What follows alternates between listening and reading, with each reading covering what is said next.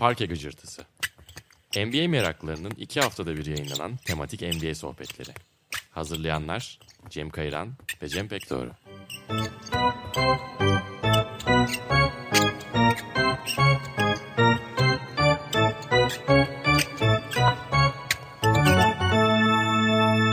Parke Gıcırtısı'na hoş geldiniz. Ben Cem Kayıran. Bantmag ve Sokrates Podcast ortaklığıyla hazırladığımız e, programımızın yeni bölümünde sevgili Cem Pekdoğru'yla uzaklardaki bir adaşımızı ağırlayacağız. Üç Cem birlikte olacağız bu programda. Konuğumuzu tanıtmak için de sözü Cem Pekdoğru'ya bırakayım. Çok bürokratik bir giriş. Çetin Cem Yılmaz bugün bizlerle birlikte olacak. Toronto'dan kendisine bağlanıyoruz. Bu konu için özel olarak seçtiğimiz bir konuk. Çünkü özellikle Seattle Supersonics'e saygı duruşunda bulunmak istediğimiz, belki ağıtlar yakmak istediğimiz bir bölüm olacak. Seattle Supersonics özelinde bu konuya da gireceğiz ama genel olarak bugün yaşamayan bazı franchise'lara ve bazı NBA şehirlerine değineceğiz. Hoş geldin Çetin. Hoş bulduk, merhabalar. Çetin'i tabii Toronto'ya göndermeden önce belki biraz daha yakın bir ilişki içerisindeydik. Onu daha Türkçe kendini ifade ettiği mecralardan daha sık takip edebiliyorduk. Şimdi biraz daha İngilizceye kaydı aslında resmi dili. Ama yine farklı kaydet platformundaki çekme kasetten eğer sezonlar geri dönebilirse bu platformdaki Boxing Day'den çeşitli Amerika'nın, Kanada'nın medya kuruluşlarından takip edebilirsiniz. Çetin bu kadar uzun bir girizgah oldu. Evet. Aynen böyle hüzünlü bir konuyla karşınızdayız ama keyifli bir program olacak diye tahmin ediyorum. Evet aslında bu karantina süreci bir anlamda fırsatı çevirdik ve İstanbul'da olmayan hatta Türkiye'de olmayan ve konuk etmek istediğimiz isimleri ağırlamaya başladık. Madrid'den sonra Toronto'dayız bugün de aslında. Bugün Okyanus'ta yaşıyoruz evet. Evet. NBA'in son şampiyon şehrindeyiz yani öyle düşün. Oo. Hala ünvan bizde. evet. Önceki program Kyle Lowry'nin geleceğini aslında söylemiştim ama yanlış çıktı. Bence Çetin de onun kadar iddialı bir konuk olacaktır. Aratmayacaktır evet. Ya evet Kyle'ı da getirmek isterdik ama inşallah programlara bağlarız. o zaman Kanada'da tutsak mı girişte Seattle'a geçmeden konumuzu? Tabii ki de. Kısa ömürlü bir takımla başlıyoruz o zaman. Ve konuğumuzla başlayalım. Hazır Kanada'dayken kendisi yerinden bildiriyor. Civarından bildiriyor diyelim. Vancouver Grizzlies deyip topu Çetin atayım. Evet Vancouver'ın e, tabii ilginç bir hikayesi var. NBA'in aynı sene içerisinde hem Toronto Raptors hem Vancouver Grizzlies açması, Kanada pazarıyla işte iki takımla birlikte giriş yapması ilginç bir hikaye. Ee, o yıllarda 3-5 yıl içerisinde 90'lı yılların sonunu işte ikinci yarısını takip edince aslında iki tane hani diplere devir atmış takım gibi görünüyor. Ama bugün gelinen noktaya bakınca Toronto Raptors hala NBA'in unvanını koruyan son şampiyonu diyelim hem de diğer taraftan Grizzlies de tam bir başarısızlık öyküsü. Birazcık ben geçen sene de final serisi zamanında Toronto'daydım ve Kanada'daki basketbol serüveni üzerine çok yazılar yazıldı. Hani biraz uzaktan belki tahmin ettiğimizin aksine en azından benim için öyleydi. Kanada'da basketbolun hikayesinin aslında bayağı gerilerde olduğunu böyle anladım. Hani ben zannediyordum ki bütün Kuzey Amerika'da olduğu gibi basketbol burada çok popüler ve çok bilinen bir spor. Hiç alakası yokmuş aslında. Herkes hani Türkiye'de olur ya bazen işte böyle bir tırnak içinde amatör branşta bir yükseliş olur ve bu sporun önümüzdeki yıllardaki yükselişine katkıda bulunacak falan diye. Kanada için de basketbol tamamen böyleydi. Yani tabii ki geçmişte de oyuncular yetiştiren falan bir kültür ama bu hokeyinin fersah fersah gerisinde. Bu anlamda da Vancouver Grizzlies hikayesinde de çok geri dönüldü. Yani Toronto Raptors neden başarılı oldu? Sonuçta 25 senenin sonunda da olsa. Vancouver'da bu hikaye neden 6 senede bitti? Bu açıdan şeydim hani şanslıydım birazcık bu hikayeleri yerinde okumak falan enteresandı. Kısaca şey yaparsak işte 95 yılında lige giriyor Vancouver Grizzlies. O sene hani genişleme draftında belki çok talihsiz sayılabilecek bir sıralamaları var Lotarya'da. 6. sıradan seçiyorlar. Bryant Reeves'i seçiyorlar. Hani o sene dördüncü sıradan Rashid Wallace'ın, beşinci sıradan Kevin Garnett'in gittiğini düşünürsek orada herhalde ilk taşlar bir yerinden oynamış. Hani e, sene sene de bakabiliriz. Draftlarda hep hatalı ya da işte biraz şanssız denebilecek hikayeler var. Diğer taraftan Toronto'da da hani basketbol yeni palazlanıyor, yeni bir kültür falan filan insanları çekmeye çalışıyorlar ama Toronto'nun şansı özellikle Vince Carter oluyor. İşte insanları heyecanlandıran, Human Highlight Reel denen hani her maç ilginç bir şey yapabilen müthiş atletik hem skorer hem işte smaç yarışmasını kazanabilen tam NBA'in o dönemdeki belki de Jordan sonrasındaki en spektaküler isimlerinden bir tanesine sahip olmak gibi bir avantajı var Toronto'nun. Vancouver'ın bu avantajı hiç olmuyor. Dolayısıyla tribüne insanları çekmekte zorlanıyorlar. Takım zaten kötü gittikçe her sene izleyici sayıları düşüyor. İşte 18 binden açmışlar ilk sene ortalama. Son kapandıkları sene 14 bin kişiye oynuyorlarmış. Hı hı. Toplamda 6 sene sonunda sadece 101 maç kazanıp 359 maç kaybeden hani bir tane kısa sezon da var ama ortalama böyle 15-67'lik falan bir ortalaması olan gerçek bir başarısızlık öyküsüyle hikaye kapanmış oluyor. Ama tabii nostaljik olarak baktığımızda o çok güzel formaları, işte enteresan oyuncuları, Şerif Abdurrahim olsun, Brian Reeves olsun falan filan. Mike Bibby'nin ilk NBA'ye adım attığı takım olması olsun. Böyle kendi içerisinde aslında bir tadı olan güzel bir 90'lar nostaljisi aslında Vancouver Grizzlies. Kesinlikle öyle. Yani formaya değindiğin iyi oldu. Benim çocuk yaşta aslında NBA'ye ilgi duyduğum yıllarda ilk dikkatimi çeken tasarımlardan biriydi. Hem logosu hem forma tasarımları. İlginç trivyalar var aslında Vancouver Grizzlies'e dair. Sağ içinde değil aslında o kadar fazla da. İlk web sitesine sahip olan NBA takımıymış Vancouver Grizzlies. Biraz o web sitesi nasıl göründüğünü de bulmaya çalıştım internette ama hiçbir şey bulamadım.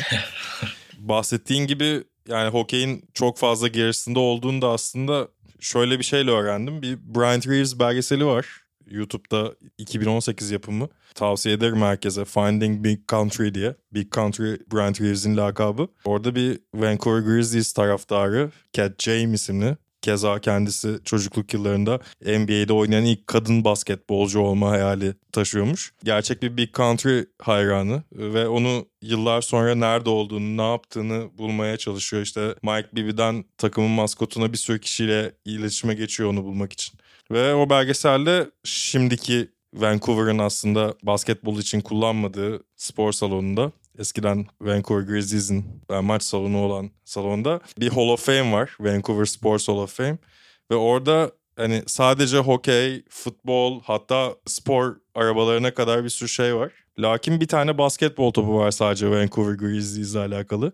Hiçbir logo yok. Bir stadyum turu yapıyorlar. Soyunma odalarında sadece iki tane el kurutma makinesinin üstünde logolarını görüyorsun falan. Hani gerçekten sanki böyle şehir çok talihsiz bir anıymış gibi, çok kötü tat bırakmış bir şeymiş gibi hiç sahiplenmemiş olduğunu hissediyorsun baktığın zaman. Bir de şeyi çok tuhaf bence o zamanlar için. Steve Francis hikayesi. Yani ikinci sıradan seçiyorlar Steve Francis'i. Ve drafttan önce de Francis çok açık bir şekilde hem kendisi hem menajeri aracılığıyla Vancouver'da oynamak istemediğini söylüyor. Bu bugün belki o kadar şaşıracağımız bir şey değil ama o dönemin şartlarında bir oyuncunun bu kadar aleni bir şekilde bunu dillendirmesi, draft gecesi seçim sonrasında suratının gerçekten üzüntüden paramparça olması çok şaşırtıcı. Toronto'nun da o konferans finallerine ya da NBA şampiyonluğunun aslında o vaat edilmiş topraklara varışının 25 yıl sürmesinin sebeplerinden biri de bu. Hani doğrudan draft edildikten sonra Toronto'da oynamayı reddeden bir oyuncu çok hatırlamıyorum ama özellikle free agent dönemlerinde ya Kanada takımlarının böyle bir problemi var her ne kadar işte bu sebeple Kanada'da olduğu için Toronto'yu seçen örnekler de gördük Hidayet Türkoğlu gibi. Çünkü vergi konusunda büyük avantajları var Kanada'nın ama Vancouver bunu çok dramatik bir şekilde hisseden bir proje oldu 5 yıl boyunca diyebiliriz Evet. gerçekten. Bir de 6 yıllık varoluş sürecinde 5 koçla çalışıyorlar. Hı hı. Hani zaten bir istikrar, bir uyum herhalde söz konusu değil. Ama gerçekten iyi bir nostalji bence. Hani şimdi de hikayenin diğer tarafındaki takım Toronto'nun yakaladığı başarılar bir şekilde uzun yıllardır LeBron tarafından alt ediliyor olsalar da bir şekilde tepeye oynuyor olmaları herhalde iki franchise'ın işleyiş biçiminin de farkını gözler önüne seriyor. Benim de aklıma ilk gelen güçlü referanslardan biri Big Country. Brian Reeves hem dediğin gibi aslında franchise'ın ilk draft seçimi.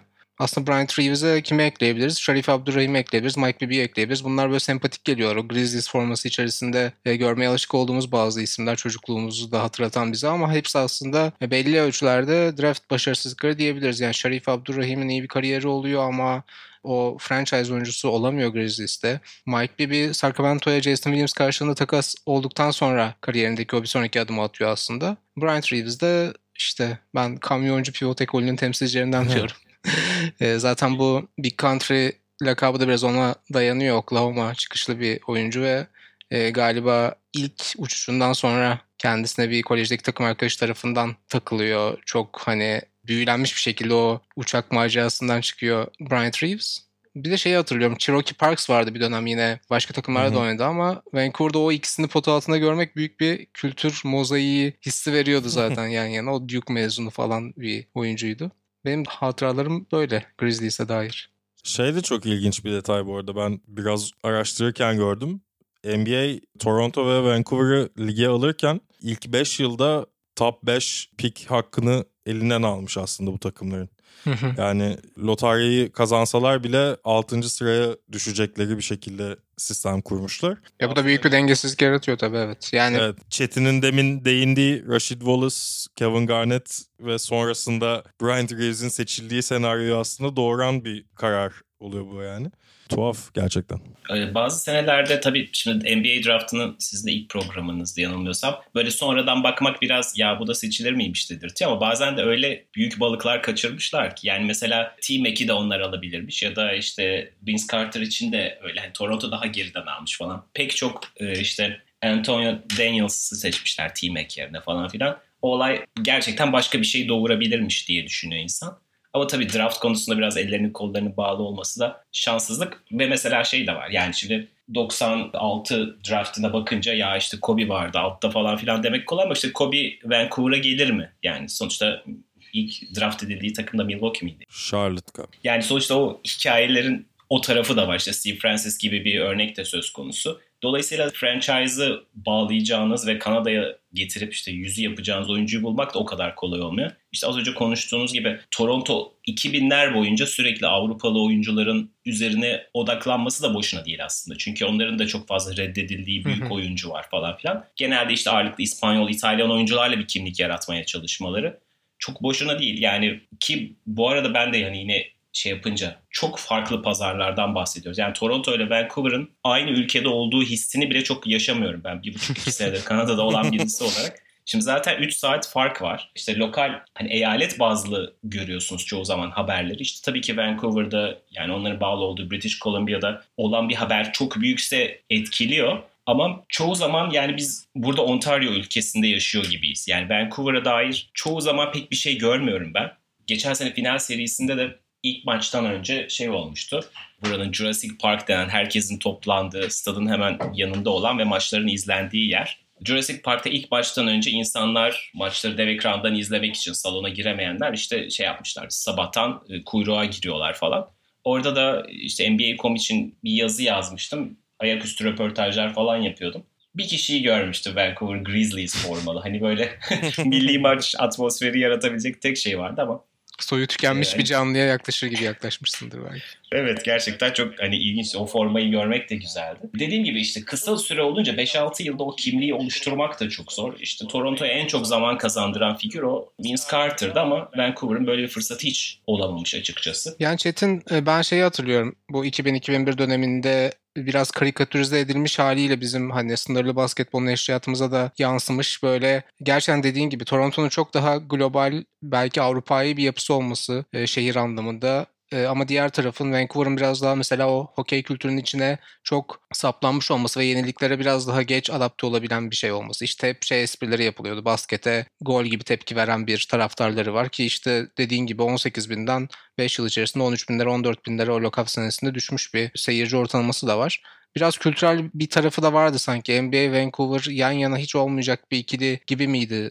Ee, Ya sanki öyle olabilir. Şimdi Toronto'nun biraz daha kozmopolit bir yapısı var. Vancouver'da aslında tabii çok göç alan bir yer ama Toronto'nun yani şehir olarak işte %50'sinden fazlası Toronto dışında doğup gelmiş insanlar. Yani daha global bir kültür. Dolayısıyla yakın gelecekte işte burada futbolun ve basketbolun hokeyin daha ötesine geçmesi bekleniyor. Yani Toronto üzerinde. Yani sonuçta burada çok kemikleşmiş bir hokey kültürü var her yerde. Toronto'nun takımı Maple Leafs o da çok feci başarısız olduğu halde çok büyük bir taraftar desteğine sahip. Ama yine de ne kadar olsa şey durumu var.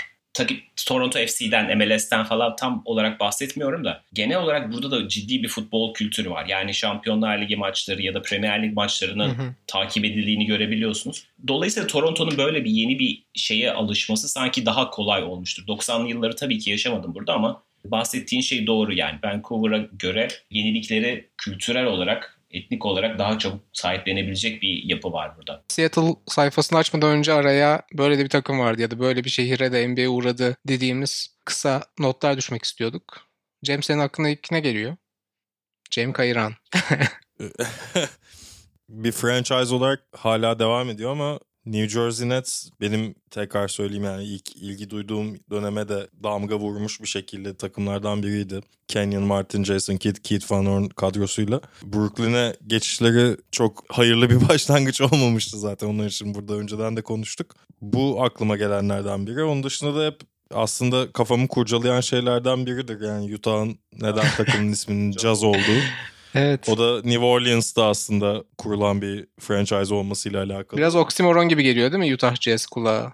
Yani Evet. Utah'tan dinleyenler, Salt Lake City'den dinleyenler varsa alınmasın ya da üzülmesin ama bana da çok ilgi çekici gelmiştir onlar. İşte en yine bilinen örneklerinden biri Los Angeles Lakers. Neden Lakers? Çünkü göller yöremizden, Minneapolis'ten e, taşıdığı, oradan tevarüs eden bir isim var. Amerika'nın Isparta ve Burdur gibi söyledim ama sonuçta bugün de hala NBA'in var olduğu bir şehir. E bir de birazdan Seattle'da da biraz bahsedeceğiz o geçişlerden ama Charlotte Hornets'taki o çorba hali var. Yani Charlotte Hornets bugün Charlotte Hornets olarak varlığını sürdüren takım Charlotte Bobcats'in mirasçısı konumunda. Ama 90'larda bizim tanıdığımız, sevdiğimiz o Larry Johnson'lı, Alonzo Mourning'li, Glenn Rice'lı, Maxi Box'lu, daha sonrasında Baron Davis'li takım şu anda o takımın tüm mirası New Orleans Pelicans'ın tarihine geçmiş durumda. Charlotte Bobcats de 10 yıllık bir kara delik gibi bir işlev görüyor sanki. Bana yine çok garip gelen bir dönem.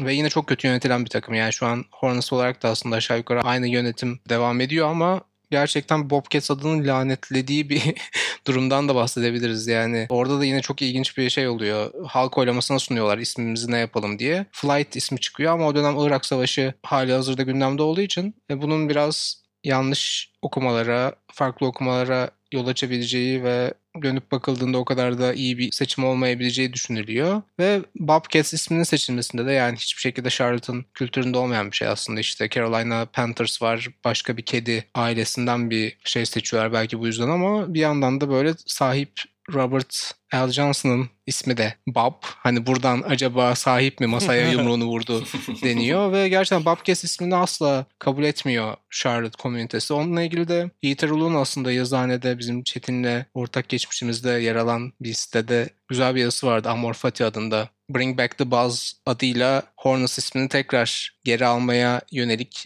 Hornets taraftarının işte Charlotte basketbol taraftarının o dönemde Bobcats adıyla ligde yer alan girişiminden bahsediyordu. Gerçekten sonunda isme de kavuştular. Kısmen o karanlık dönemi biraz kapatmış gibiler. Hani daha bir kişilikli bir takım gibi gözüküyor en azından. İşte Adam Morrison'ları, Sean May'leri arkasına bırakmış bir takım var gibi geliyor bugün. Ya ben Gerald Wallace aklıma geliyor Hı hı. Charlotte Bobcats. O da mesela onların expansion draft'te seçtikleri tek elle tutulur oyuncuydu. İşte şey durumu vardı. Bütün ligdeki takımlar 8'er oyuncusunu koruyorlardı. Geri kalan oyunculardan, geri kalan havuzdan bir oyuncu seçmen gerekiyordu. O günlerde çok zengin bir kadrosu olan Sacramento Jared Wallace'ı koruyamamıştı. Ama yine o günlerde de ya neden korumadılar acaba denmişti. Çünkü sanırım Scott Pollard'ı falan korumuşlardı. Böyle yani genç bir oyuncuyu neden korumadıkları pek anlaşılmamıştı. Onun üzerine bir takım kurdular aslında ama orada çok kötü draft seçimleri var. Tıpkı Vancouver'da olduğu gibi.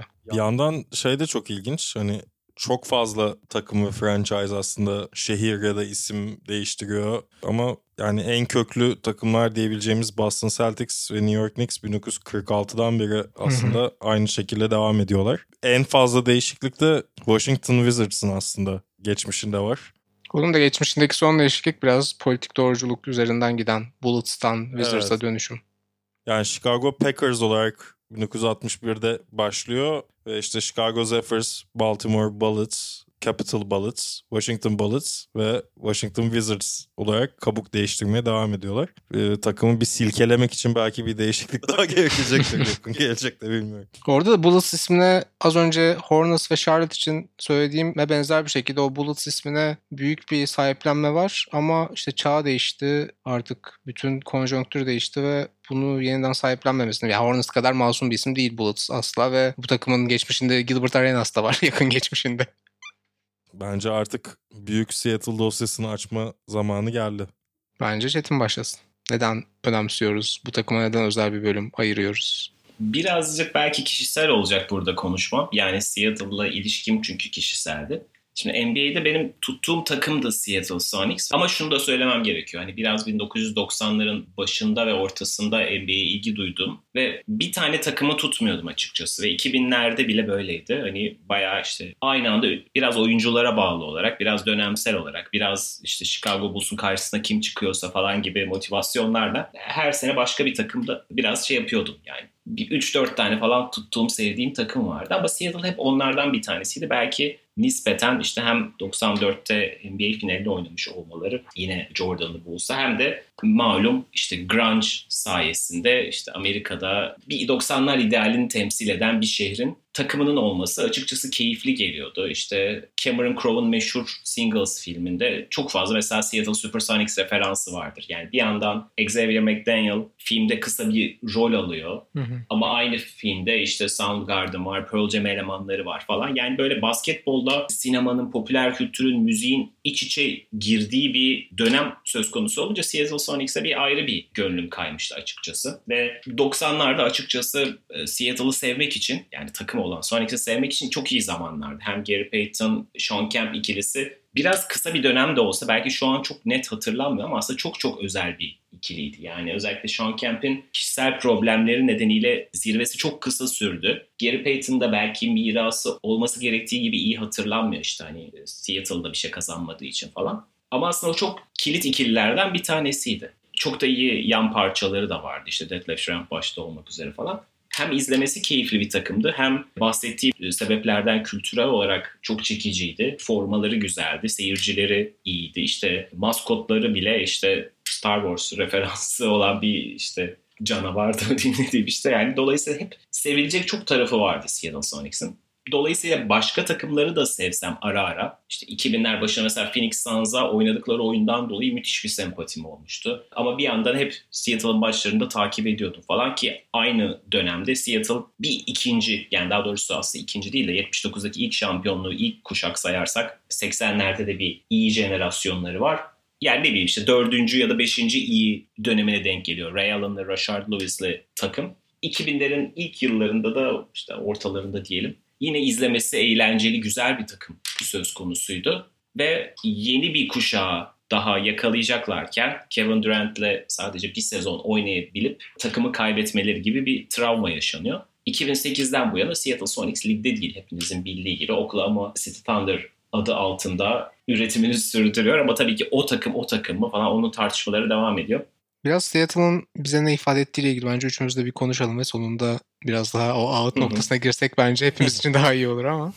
tamam. Yine aslında sıfırdan hani basketbol bilgisi olmadan baktığımda bile çok sempatik gelen bir takım aslında. Salonu olsun, formaları, renkleri olsun hani çok ilgi çekici olduğunu düşündüğüm bir franchise'dı her zaman biraz daha ilgi duyup biraz araştırıp biraz vakit geçirdikçe de hani tabii ki Gary Payton, Sean Kemp efsaneleriyle gönlümde ayrı bir yer kapmış olsa da benim gerçek kahramanım hep Schrempf olmuştu Seattle'a dair. Keza şimdi de ligde olsa aslında çok değerli bir oyuncu olacağını düşünüyorum Schrempf'in.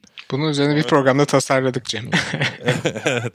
Oraya saklıyorum söyleyeceklerimi diyeyim. Çetin de dediği gibi Ray Allen'lı, Rashard Lewis'li Vladimir Radmanovic'li o takım da bence çok özel bir takımdı. O yıllar ben de biraz daha Phoenix'i gönlümde daha özel bir yerde tutuyordum aslında ama gerçekten şimdi de dönüp baktığımızda hani belki o kadar fazla şehir, o kadar fazla franchise yok tarihe karışmış ama herkesin aklının bir köşesinde, herkesin gündeminde her zaman Seattle var hala. Hı hı. Bir şekilde özlenen, bir şekilde çok özel bir yere sahip olmuş bir takım. Şimdilerde de Last Dance sayesinde de biraz o döneme de gidiyoruz ve bazı şeyleri hatırlıyoruz tekrar belki. Yani birazdan bahsedeceğiz. Tekrar geri dönüş Seattle'a bir takım getirme çabası hala var. Ama gerçekten çok benzersiz, çok özel hikayelerden biri. Çetin de söylediği gibi hani bir şehrin kültürünün işlemiş olduğu az sayıdaki örnekten biri bence. Yani şehri tamamen temsil edebilen bir halleri vardı. Yani biraz yerinde alan takımın gerçekten Oklahoma City Thunder'ın forma rengiyle, işte salondaki havayla yani evet. 10 yıl geride bırakmış olmasına rağmen hala o tam olarak bir kimliğinden bahsedemiyor olmamız. Belki biraz daha kaybedilen şeye o tabii ki 40 yılı aşkın geçmişe biraz daha insanın ah çekmesine yol açıyor. Ya benim için de aslında Cem az önce senin bahsettiğin hatta ikinizin de bahsettiği o sanırım 2004-2005 sezonuydu değil mi? Flip Murray'nin de ilginç bir beklenmedik bir başlangıç yaptığı Ray Allen, Rashard Lewis dediğin gibi Chris Wilcox hatta Jerome James bunların önemli isimler olduğu o takım. Benim de Ray Allen sevgimin zirveye çıktığı dönemlerde hatta galiba yine Yazıhane'nin kitabında yazmıştım. O günlerde eğer League Pass olsaydı Ray Allen'ın maçlarını kaçırmak bir günah sayılırdı gibi bir şey demiştim. Gerçekten inanılmaz keyif alıyordum onu izlemekten başka bir estetik açıdan başka bir yerde duruyordu tüm basketbolculardan. Ama tabii ki az önce sen Last Dance'dan da bahsettin. O dönemlerde Bulls'un karşısına çıkan, 96 finalinde rakibi olan ama öncesinde Jordan'ı bıraktığı yıl aslında herkes Seattle için doğru zaman bu diye düşünüyor. Kapının gerçekten açık kaldığı bir sezon varsa herkes 93-94 sezonundan bahsediyor. Çetin sen de yine Seattle Seahawks'un Super Bowl yürüyüşü öncesinde bir yazı yazmıştın. Seattle için uyanma vakti adında. Ee, orada o Denver serisinden bahsediyorsun. Mesela böyle çok fazla hayal kırıklıkları var. Belki The Last Dance'da yeterince işlenmedi ama 94'ün draft gününde Scottie Pippen Sean Kemp takası gerçekten ramak kalmışken vazgeçiliyor. İşte Jerry Krause'un idealinde o vizyonda sanki Tony Kukoc'un 3 numaraya çekileceği Harper, Jordan, Kukoc, Kemp, Longley gibi belki göreceğimiz ilerleyen dönemde. Hani Rodman'ın da kariyeri için çok dramatik etkileri olabilecek bir yol ayrımına girilmişken George Carl hatta ben Scottie Pippen'dan yana tercihimi kullanırım bu takasta derken takım sahibi şehir Kemp'e tapıyor. Şu anda vazgeçemeyiz diyor. Mesela Pippen'la Seattle'ın yolları ikinci kez çok yaklaşmasına rağmen bir türlü bir araya gelmiyor. İşte 94'teki seri ilk kez bir 8. sıra takımının 1. sıra takımını yendiği eski usul o 5 maçlık serilerde Mutomba'nın o unutulmaz karesiyle ölümsüzleşen. O seri için mesela ikinci maçta soyunma odasında Gary Payton'la Ricky Pierce arasında çok ciddi bir kavga çıktı yıllar sonra ortaya çıkıyor ki hani bugünlerde mesela öyle soyunma odası gerginliklerini çok hasır altı edemiyorsunuz. İşte şu an Donovan Mitchell'la Rudy Gobert'in birbirlerini sevip sevmediği falan konuşuluyor. Hani o günlerde yıllar sonra George Karl diyor ki işte ikisinin de çantalarında silah olduğu söylendi bana diyor.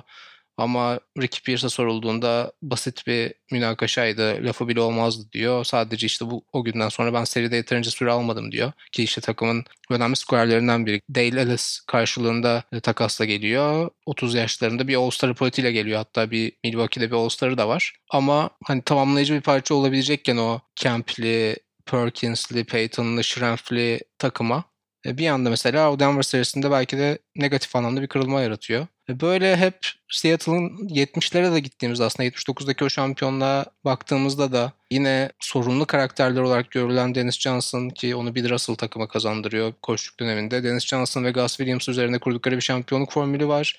Ama hani artık Seattle'ın çağı başlıyor gibi bir düşünce varken çağ tamamen değişiyor. Larry Bird ve Magic Johnson lige giriş yapıyor ve bir anda yine süper takımlar aslında devreye giriyor ve 70'lerin ikinci yarısına baktığımızda çünkü işte Kuzey Batı Pasifik'e giden iki şampiyonluk var.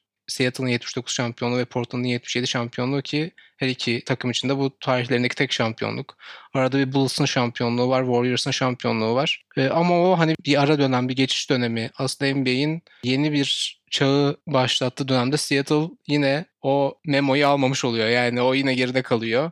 E 90'larda biraz böyle bir durum var. Hani dediğim gibi az önce Kemp'in o düşüşünü öngörebildiğini söylüyor George Carl. Hani ne kadar inanırsınız bilmiyorum ama hani Pippen daha yaşlı olmasına rağmen, Kemp daha genç olmasına rağmen çok hızlı bir düşüşe girmişti diyor 94 öncesinde ve ben bunu sahada gözlemleyebiliyordum ve saha dışı alışkanlıklarıyla bir ilişki kurmaya başlamıştım. Ama işte birazdan belki kulübün başka sahiplerinden bahsedeceğiz ama bu takas sürecinde de Wally Walker takımın genel menajerine yeni geçen Walker Barry Ackerley'e gittiğinde şey diyor yani kulübümüzdeki basketbol insanları bu takası yapmak istiyorlar. Chicago'dan böyle bir teklif geldi. Siz bir karar vermek zorundasınız diyor.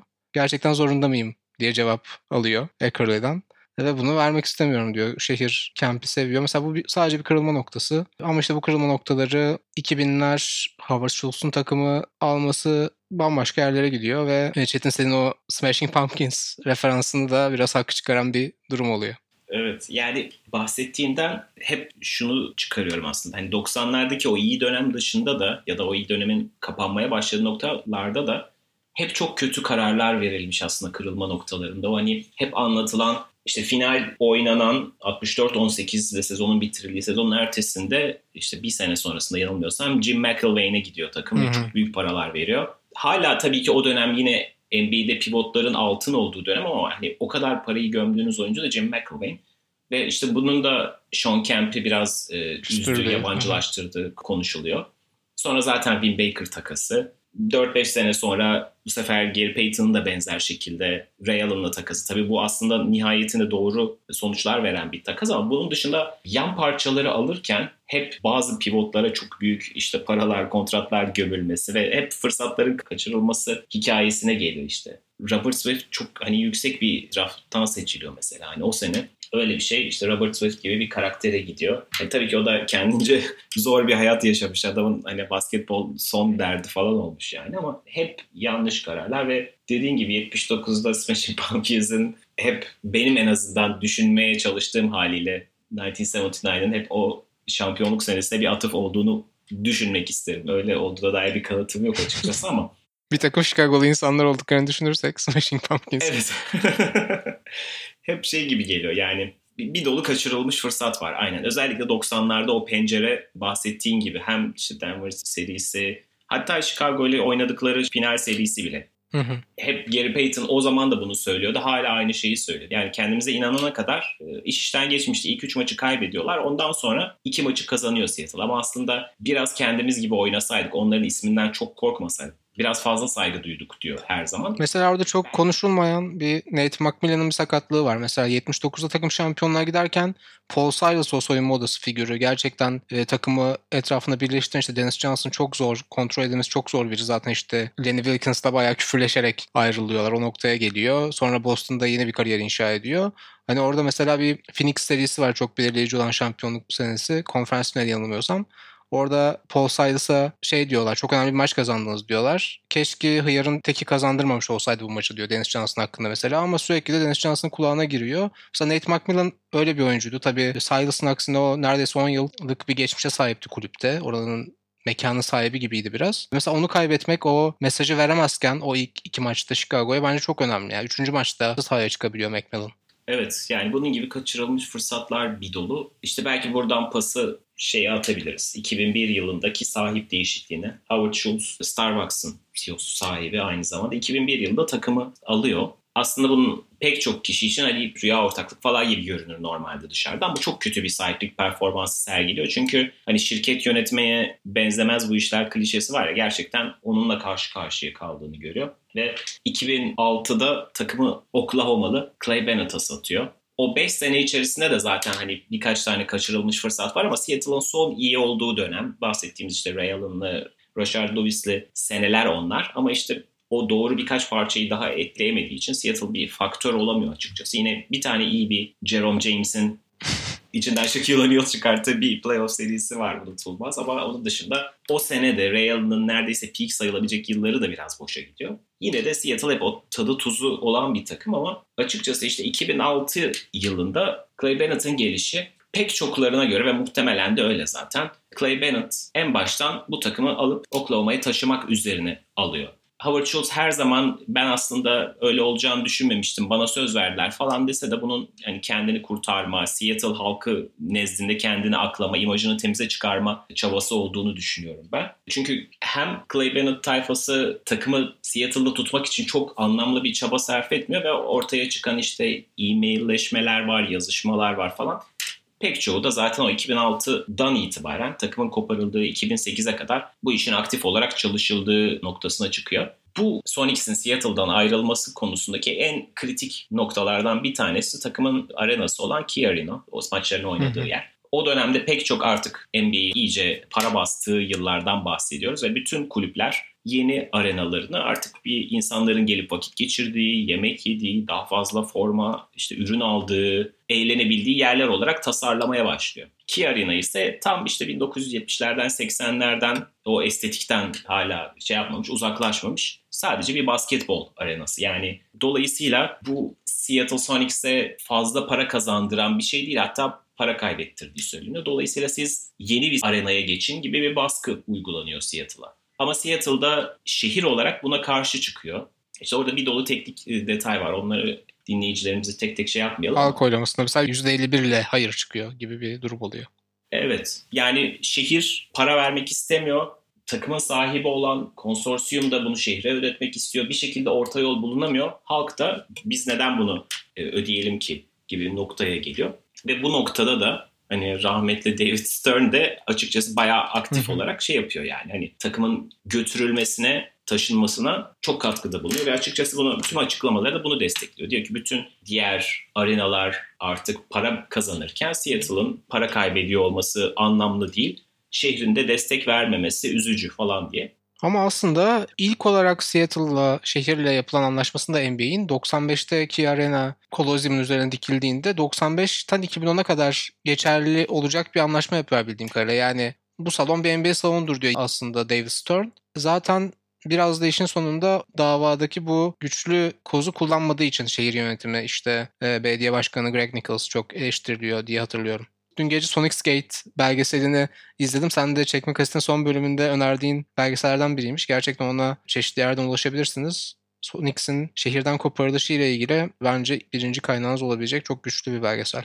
Evet yani ben de tekrar hafızamı tazelemek adına tekrar izledim. Bir tane işte Director's Cut var 2 saatlik. Bir tane de 45 dakikalık orijinal versiyonu var. Artık dinleyicilerimiz hangisini zamanları varsa izleyebilir ama açıkçası tüm süreci çok iyi anlatıyor. Hani biraz bürokrasiyi de işte halkın sahip çıkma çabalarını da. Ya birkaç tane daha nokta var. Şimdi 2005'te mi olmuştu Katrina kasırgası sebebiyle New Orleans'ta maçlar oynanmıyor ve Oklahoma'da oynanıyor.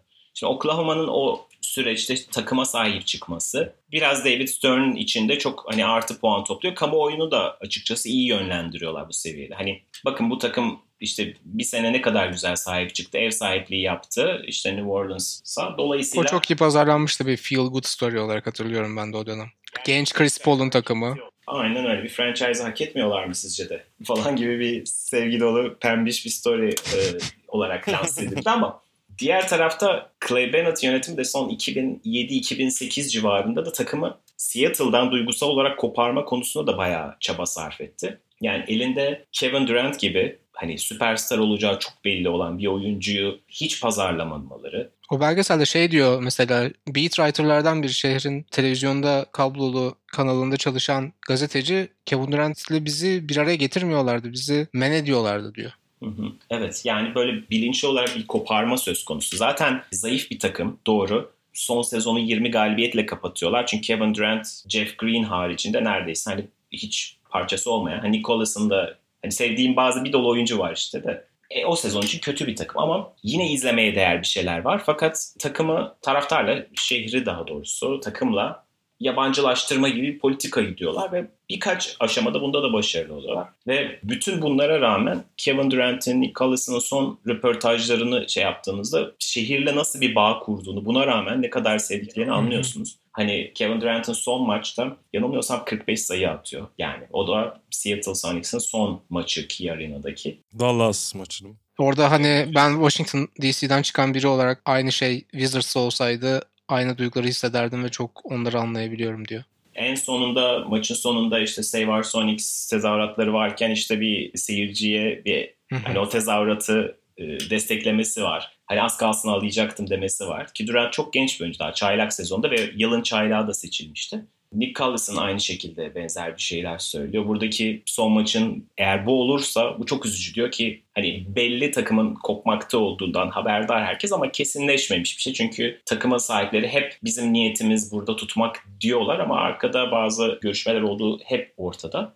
O yaz bile mesela Seattle Sonics haliyle Russell Westbrook'u draft ediyor. Westbrook'un da hala işte internetin köşelerinde Seattle Sonics formalı fotoğrafları var. Yani tam bir ne neler olabilirdi hissi. Yani Oklahoma City Thunder oradan sonra kendince sportif anlamda başarı hikayesi yazıyor. Çünkü ellerinde çok çok değerli iki parça var ve üzerine de başka değerli parçaları da Harden ve Ibaka'yı da koyup ta NBA finaline kadar gidiyorlar. Ama bir yanıyla işte bu takımı Seattle'dan kopardıkları için Seattle taraftarları ve benim de hep içinde bir kırgınlık var. Hani az önce bahsettiğim gibi 1990'larda Chicago Bulls'a kim karşıydı diye izlerdim NBA'yi. Ben açıkçası 2008 yılında NBA'den tamamen duygusal olarak koptum. Yakın zamana kadar ve son Toronto'ya gelmem bunu biraz ateşledi. Neredeyse ben 10 sene NBA ile hiç ilgilenmedim ve tamamen sebebi Seattle Sonics'e yapılanlardı açıkçası. Böyle bir beni koparttı. Dediğim gibi tek tuttuğum takım bile değildi aslında ama hani o çok büyük bir kırgınlık yarattı yani bir takımın bu şekilde birazcık da işte hülle yoluyla e, şehirden koparılması. NBA finallerini yine takip ediyordum, izliyordum falan ama neredeyse en büyük motivasyonum şey olmuştu. Hani Oklahoma City Thunder ne olur bir şampiyonluk kazanmasın diye.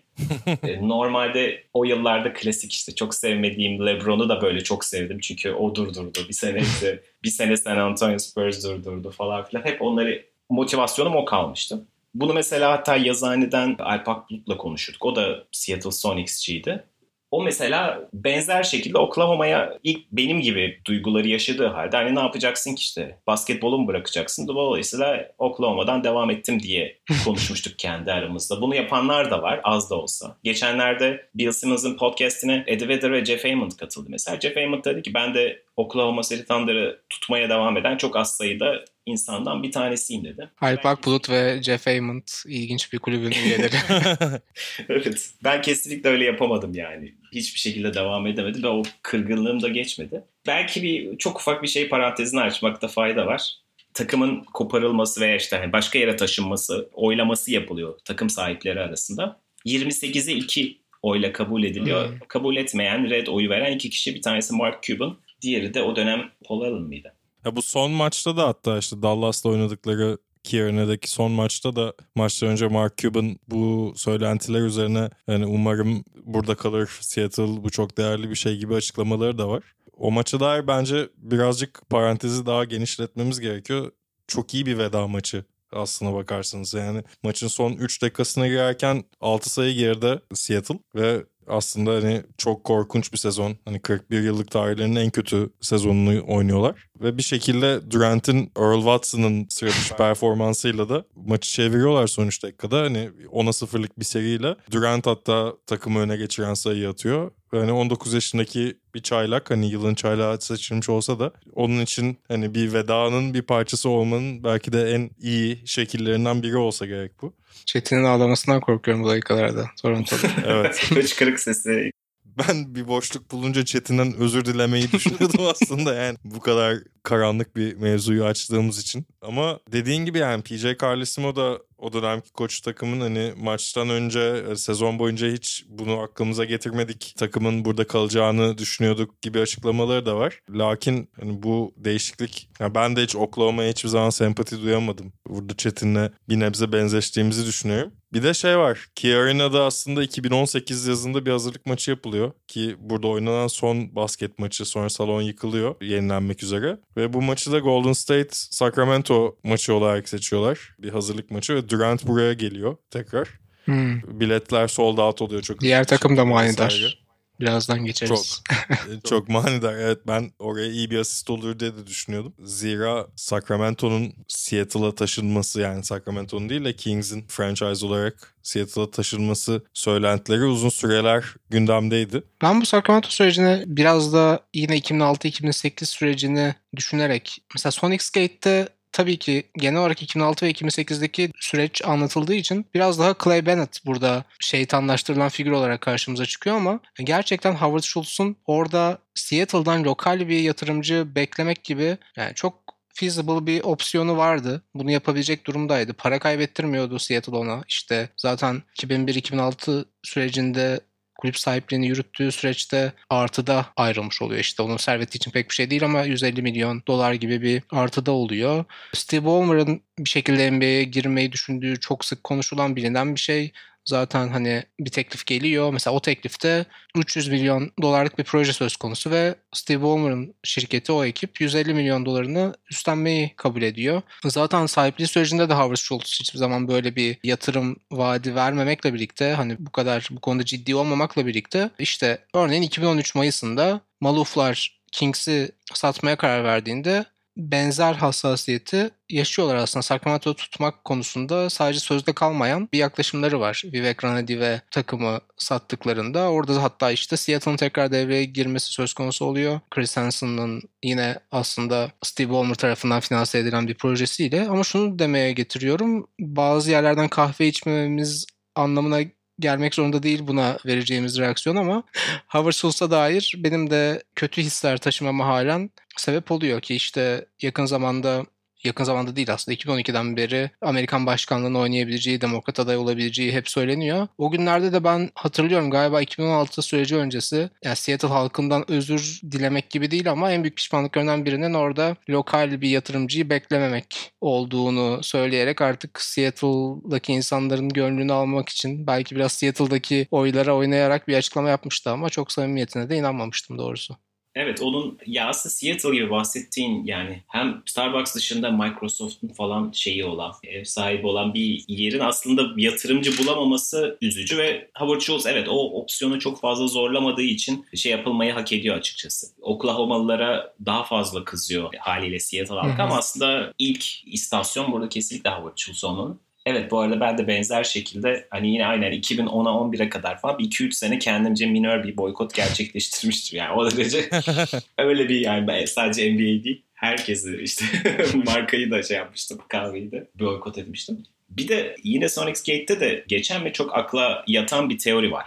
Yani orada aslında David Stern de diğer takım sahiplerine ve şehirlere, şehir yönetimlerine aslında bir mesaj göndermek istiyordu ve bir takımı o yüzden kurban etti deniyor. Hı hı. Mantıklı da yani bakın burada yeni bir model var. Şehirler arenaları daha fazla işte finanse etmeli takımlara destek olmalı yoksa olacak budur diye belki de bunu bir mesaj olarak gösterdi. Ya genç avukat Stern'ün de mesela Sacramento'ya, Kansas City'den Sacramento'ya taşınan franchise'da da mesela aynı mesajı vermek istediği, 20 yıl sonra aslında yine bu şeyi bu kadar kişiselleştirdiği ve daha doğrusu hani bir taşınmadan daha fazla bir şey, daha büyük bir şey haline getirdiği teorisi bana da yakın geliyor. Öyle görünüyor. Yani e, belki şu taraftan da bahsedebiliriz. Hala evet NBA'in Seattle'a döneceği çok sık konuşuluyor. Ama eğer ya bu da yine Sonics Gate'te geçen bir şey ama ben bunu hani çok uzun zamandır hep düşünüyorum. Yani başka bir franchise'ın taşınması da yani diğer şehirdeki taraftarlara aynı haksızlığın yapılması olacak. Dolayısıyla bir köşe kartmaca gibi sanki kim kaparsa o mutlu olacak ama orada bir başka kalbi kırık bir halk kalacak falan hissi var.